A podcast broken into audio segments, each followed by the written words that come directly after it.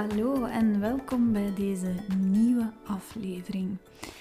Het wordt vandaag een korte aflevering, um, omdat ik nogal goed aan het werk ben aan een nieuwe cursus, een nieuwe training voor mensen die last hebben van emotioneel eetgedrag. Mijn energie steekt daar op dit moment heel sterk in. Maar uh, toch wou ik ook nog een uh, podcast online plaatsen. En ik speelde al langer met het idee om mijn blogs ook in te spreken. De blogs die je vindt op mijn website. Uh, maar ik weet ook ondertussen dat sommige mensen liever luisteren dan lezen. En ja, bij deze het uitgelezen moment om die blogs nu ook in de podcast te gaan steken. Dus de blog die ik vandaag heb uitgekozen om hier uh, voor jullie luisterbaar te maken, is de visieuze cirkel van wachten. Ben jij ook zo iemand die zegt: als puntje puntje dat gebeurt, dan puntje puntje. En ik ga mij verduidelijken, hè, dus de ingevulde versie. Als ik 10 kilo kwijt ben, dan boek ik een wellnessdagje. Als ik terug in die broek pas, dan koop ik nieuwe schoenen. Als ik 10 kilo kwijt ben, dan zal ik zeker en vast gelukkig zijn op vakantie in mijn bikini. Als ik 5 kilo kwijt ben, dan zal ik wel meer zelfvertrouwen hebben. Voel eens of jij ook zo denkt. En we gaan dan nog een trapje hoger. We gaan hetzelfde weergeven qua verwoording, maar dan zonder de als en dan vorm. Het wordt duidelijk. Ik wil niet gaan solliciteren tot ik vermagerd ben. Ik begin geen nieuwe relatie tot ik minstens 4 kilo kwijt ben. En dan nu de meest negatieve trap. Het heeft geen zin om nu te gaan solliciteren, want men gaat mij toch maar beoordelen op mijn fysieke vorm, op mijn lichaam. In het zwembad ga ik pas als ik mij terug goed in mijn vel voel. Ik ga ook niet mee fietsen met de groep, want ik zal toch wel weer aan het einde van de rij hangen. Ik kan dat niet bereiken zonder een goed gewicht en zelfvertrouwen. Dus wat we heel duidelijk voelen en zien in deze stellingen, en dat zijn stellingen die ik toch wel vaak hoor, dat is dat mensen de grote pauzeknop induwen. En dat is zo jammer, want als we alle dingen des levens gaan uitstellen, ja, wat een zonde dat je dan hè, hetgeen je echt wilt, dat je jouw verlangen niet kan gaan leven. Dat je daarop aan het wachten bent. Hè. Want als, ja, dan mag het pas. Nee, je moet leven in het nu. Je zou even goed kunnen zeggen, hè, laat ons dan ook eventjes de tijd freezen. Hè.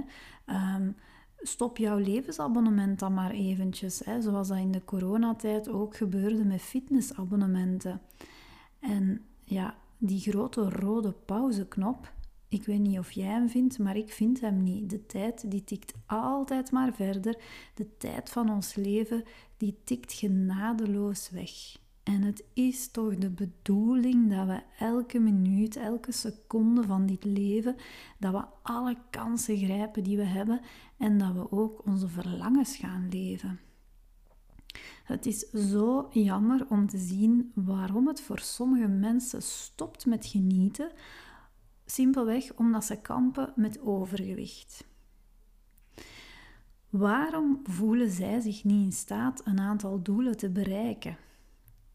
Waarom verloven, veroorloven ze zich minder verwennerij? Hè? Of, of moeten ze iets verdienen voordat ze naar die verwennerij kunnen gaan? Waarom gunnen ze zichzelf minder plezier? En waarom wachten ze op geluk, op zelfvertrouwen, op zelfliefde, op daadkracht? En dat is gewoonweg jammer, hè? want elke mens mag zichzelf in zijn behoeftes voorzien, los van zijn of haar gewicht. Dat zou toch niet mogen meespelen. Die visieuze cirkel van wachten, komen we hier dan eigenlijk ooit uit als je zo denkt? En dan kan je het type vraag gaan stellen van de kip of het ei. Waar begint geluk eigenlijk? Hè? Word je misschien gelukkig als je een leuke job hebt en dan, dan net de moeite doet om aan jezelf te werken? Hè?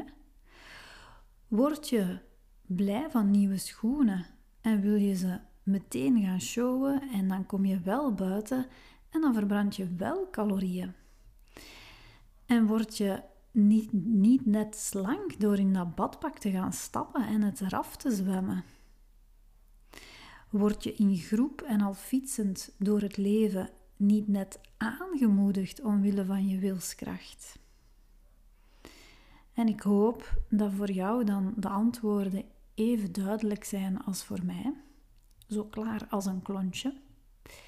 Het is zeker niet makkelijk om zo'n visieuze cirkel te doorbreken. Je hebt daar misschien wat hulp bij nodig, hè? iemand die je daar doorduwt. Maar ook hulp vragen is doorbreken door een visieuze cirkel. En dat ben je ook helemaal waard.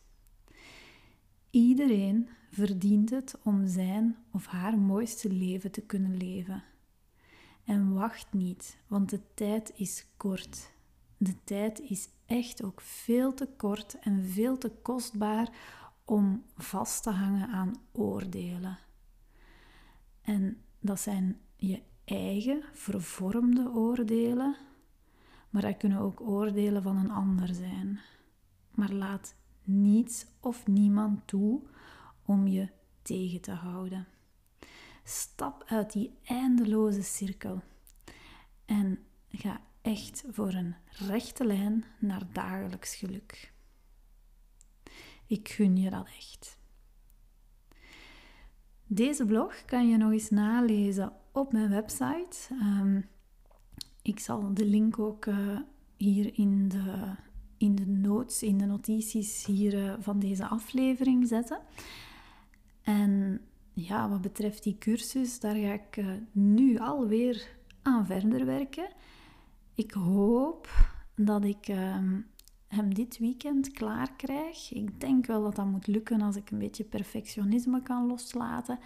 Um, en ja, ik ben alvast trots op hetgeen er staat. En ook daar gun ik iedereen om echt het mooiste leven te gaan leven. En zeker en vast de verlangens en de behoeftes die we hebben te gaan invullen. Voilà, ik wens je nog een fijne dag en tot snel. Bye.